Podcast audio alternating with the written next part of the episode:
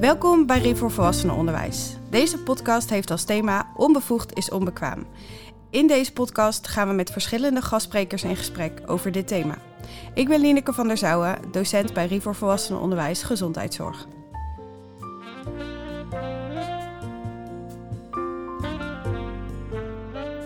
Welkom. En we gaan, uh, ik zit hier vandaag met drie gastsprekers.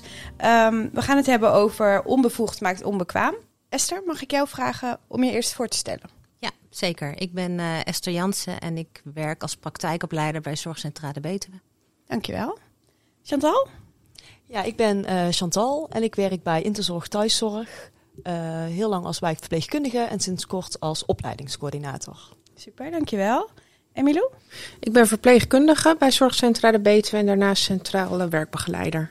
Kijk, dank jullie wel dames. Fijn dat jullie uh, dit gesprek met mij vandaag willen voeren. Uh, we gaan het hebben over onbevoegd maakt onbekwaam. Esther, mag ik jou eerst eens vragen, uh, wat is nou bevoegd is bekwaam of onbevoegd maakt onbekwaam? Ja, of bekwaam is bevoegd.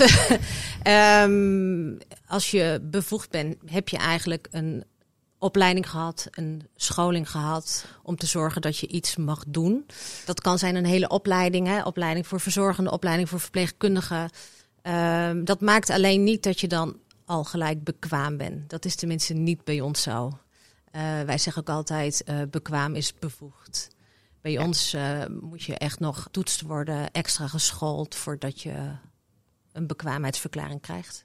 Kijk, ja, en dan hebben we het denk ik ook over. Het, het, het blijft nog een beetje vaag, hè, maar het gaat over natuurlijk het werken in de zorg. Ja. Uh, het gaat om handelingen uitvoeren. En nou ja, basisvaardigheden als wassen, aankleden. Nou ja, eigenlijk dat uh, hoort daar ook bij. Nu weet ik, be bekwaam, bevoegd zijn lastige termen. Nou, Emilou, heb jij net, uh, hè, ben je doorgestroomd naar verpleegkunde, heb je net je diploma gehaald. Hoe lastig thema is dat ook in zo'n opleiding?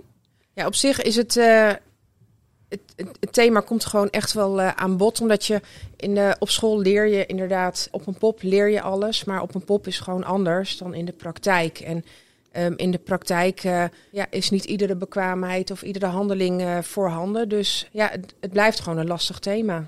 En Chantal, bij Interzorg, waarom vinden jullie het belangrijk dat mensen bevoegd en bekwaam zijn? Nou, uiteindelijk wil je wel gewoon kwaliteit van zorg leveren. Uh, dus het is wel belangrijk dat mensen daar ook toe zijn opgeleid om die zorg te kunnen leveren. Ja, precies. En um, nou ga ik er meteen een, een stelling in gooien.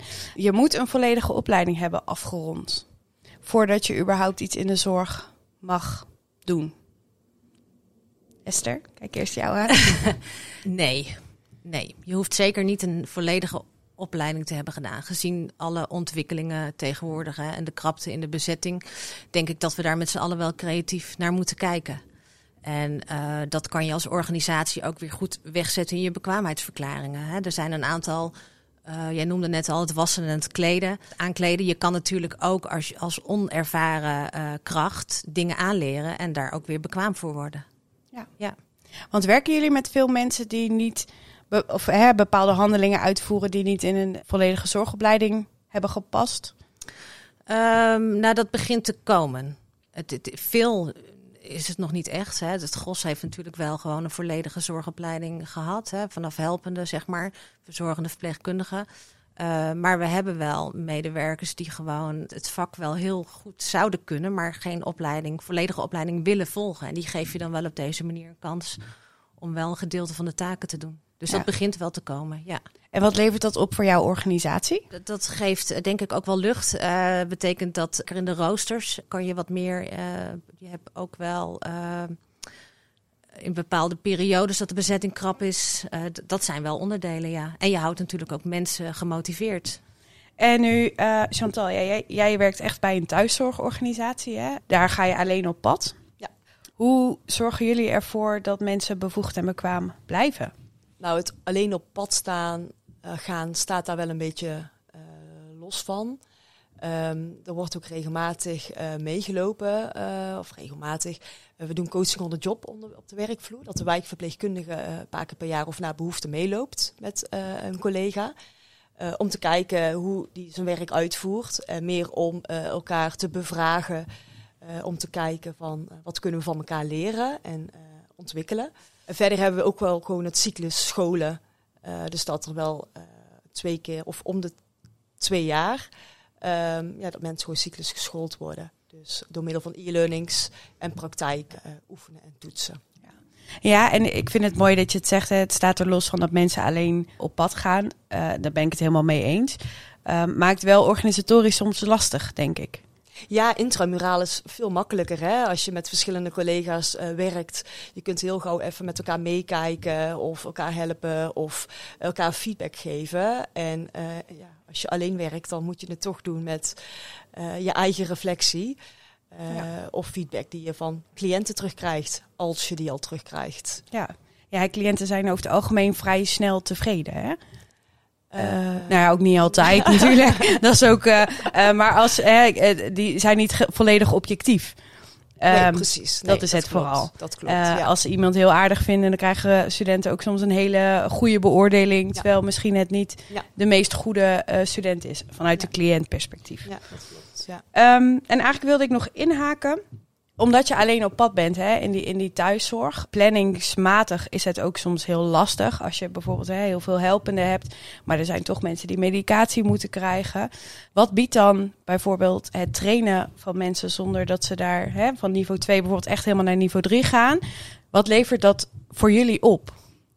Uh, nou ja, als je ze een verkorte opleiding of cursus uh, aan kan bieden, uh, dan kunnen zij bepaalde handelingen wel uitvoeren in de routes.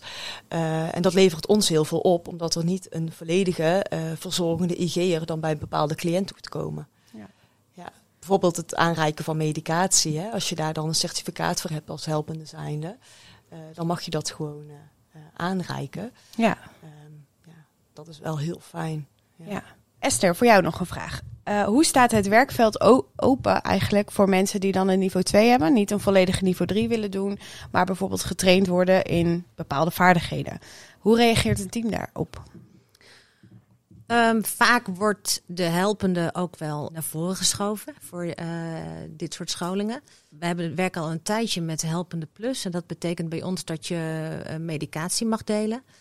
En dat is uh, een uh, hele grote winst ook in, het, in de teams, op de roosters en dergelijke. En we zijn nu inderdaad uh, bezig met een, met een extra modules. En, maar dat is eigenlijk net pas van start gegaan. Ja. Dus hoe dat precies in de teams liggen. Kijk, uiteindelijk doe je ook niet alleen doe je het voor de teams, hè, voor de cliënten. en heb je, willen de medewerkers graag meer. Ja. dus het is een, wel een win-win situatie. Ja. ja. mooi. Ja, de reden waarom ik het vraag is omdat je ook dat het soms lastig wordt gevonden. Dat uh, mensen iets mogen, maar ze hebben niet de volledige opleiding. Uh, hoezo mag jij dat? Uh, kun je dat wel? Want jij hebt je dan dit en dit wel gehad. die geluiden kennen jullie niet, Chantal? Nee, eigenlijk helemaal niet. Nee. Nee, collega's zijn vooral heel blij dat er extra handjes zijn en dat er extra ondersteuning is. En uh, we hebben wel altijd uh, de wijkverpleegkundige die uh, verantwoordelijk is voor zijn team. En die echt wel borgt of er goede zorg geleverd wordt. Maar over het algemeen um, vinden de helpen het zelf fijn hè, om zich te ontwikkelen en iets extra's te mogen. En collega's stimuleren dat alleen maar en zijn hartstikke blij dat zij zelf dan weer ruimte hebben om naar een andere cliënt te gaan. Ja, ja. mooi. Fijn dat het zo leeft in jullie organisaties. Ja. Echt top. Als ik hierop in mag haken. Um, ik uh, um, bemerk wel in teams dat daar uh, um, wel over gesproken wordt. Ik heb een hele opleiding gedaan en uh, zij hoeft dat niet. Maar we staan wel, denk ik, op een kantelpunt dat er iets moet veranderen. Omdat er gewoon te weinig personeel is. En we zullen dat op een andere manier op moeten lossen. En als er geen mensen voorhanden zijn om opleidingen die geen opleidingen willen doen, of welke reden dan ook, dan zullen daar bepaalde oplossingen voor moeten komen. En dit is een van die oplossingen um, waardoor het wel werkbaar blijft. Mooi. Hey, en want jij als werkbegeleider, heb jij dan ook daar nog een rol in, in een team? Uh, om jouw team, nou ja, dit uh, heel duidelijk verhaal wat je vertelt, om ze daarin mee te nemen? ja, uiteraard. Ja, want dit zijn de oplossingen waar we mee moeten gaan werken. Ja. En liggen de verwachtingen dan ook anders richting de mensen die zo'n training volgen? Of... Nou, we hebben het over het algemeen over mensen die gewoon op een uh, afdeling werkzaam zijn. En dus ook al echt deel van een team zijn. Dus ja, die gunfactor die is dan ook gewoon wel veel hoger. En uh, Um, iemand is gewoon deel, onderdeel van een team. Dus uh, ja, als diegene meer kan doen uh, door uh, bijvoorbeeld een, een, een, cursus, ja, dan is dat alleen maar fijn binnen het team. Want dat verlaagt de werkdruk weer. Ja. Ik vind dat je het heel mooi uit kan leggen. Dankjewel. Esther, wilde jij trouwens ook hier nog wat over aanhaken? Ja, want ik denk ook goed dat het om de verzorgende bewust te maken dat een, een, een, opleiding tot figger wel veel meer omvat dan alleen die extra uh, handelingen die een helpende leert. Uh, dat is veel meer. En ik, ik, begrijp inderdaad het gevoel wel, want het is natuurlijk wel aanwezig. Laten we eerlijk zijn. Het, uh, Figgers vinden het moeilijk. Van joh, hè, zij mogen een paar dingen doen en dan. maar er zit gewoon echt wel verschil in tussen de opleidingen. Ja, ik hoor trouwens, hè, ik mag uh, onder andere de trainingen 118 uh, verzorgen. Uh, ik hoor vaak dat ehm, de niveau 2'ers dan wel zeggen, ja, dan ben ik VIG. En ik ben altijd degene die zegt, nee, je bent dan geen VIG.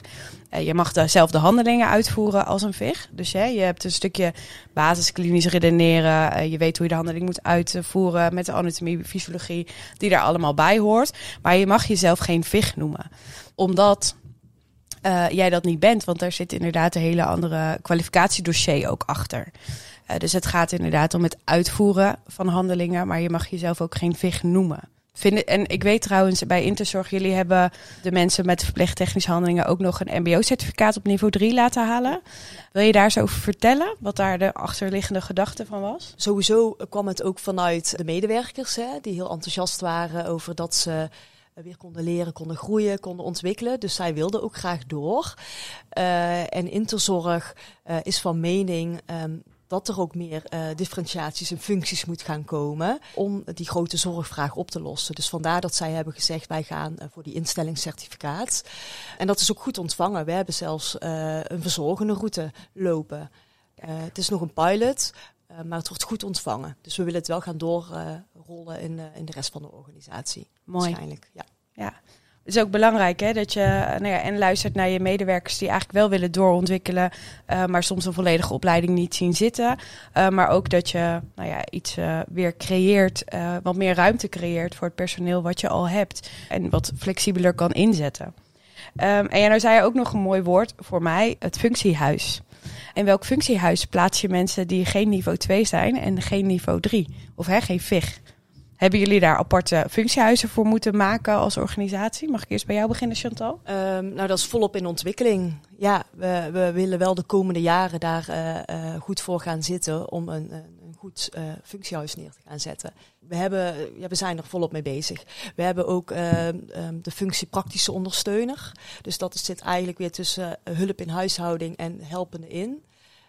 en ook daar wordt weer heel enthousiast op gereageerd. Ja. Dus daar zijn we mee bezig. En, en, wat mag die persoon dan doen? Een stukje huishouding, hulp in huishouding, begeleiding, lichte begeleiding, kopje koffie schenken, spelletjes doen of andere activiteiten. En lichte basiszorg. In laagcomplexe situaties, ja. denk ik? Ja, zeker. Ja. Oké. Okay. Ja. Dankjewel.